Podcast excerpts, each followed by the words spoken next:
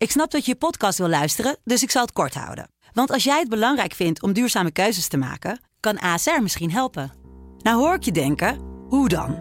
Nou, bijvoorbeeld bij het duurzaam herstellen van schade. Of de premies die we beleggen volgens ons duurzaam beleggingsbeleid. Dat bepaalt waar we wel en juist niet in investeren. Wil je meer weten over welke duurzame keuzes ASR maakt? Ga dan naar asr.nl slash duurzame keuzes. ASR doet het.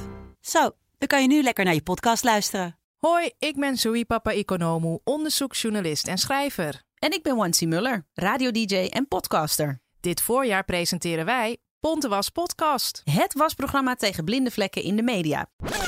Vier keer heel mannelijk taalgebruik. Dat je daarmee eigenlijk uitsluit dat er ook maar één vrouw van kaliber in die zaal aanwezig was. Over hun vader, die stond in de krant, afgebeeld onder een stuk over salafisme. Zij uh, had gevraagd of ze het wilde aanpassen. zei die fotoredacteur van... oh ja hoor, tuurlijk, geen probleem. En met één klik op de muis veranderde ze die foto in een foto van IS. Ponte was podcast. Met mediamissers en opstekers in het Blinde Vlekkenkwartet. Uh, Onesie, mag ik van jou in de categorie blinde vlekken een twijfelgevalletje?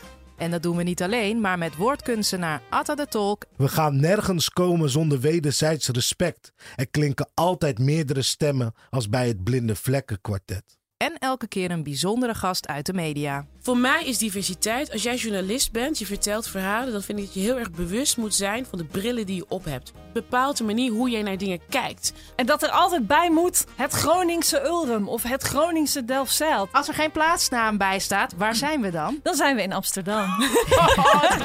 dus, heb je behoefte aan een frisse, grappige en kritische blik op diversiteit in mediaberichtgeving? Luister dan naar Ponte Was Podcast.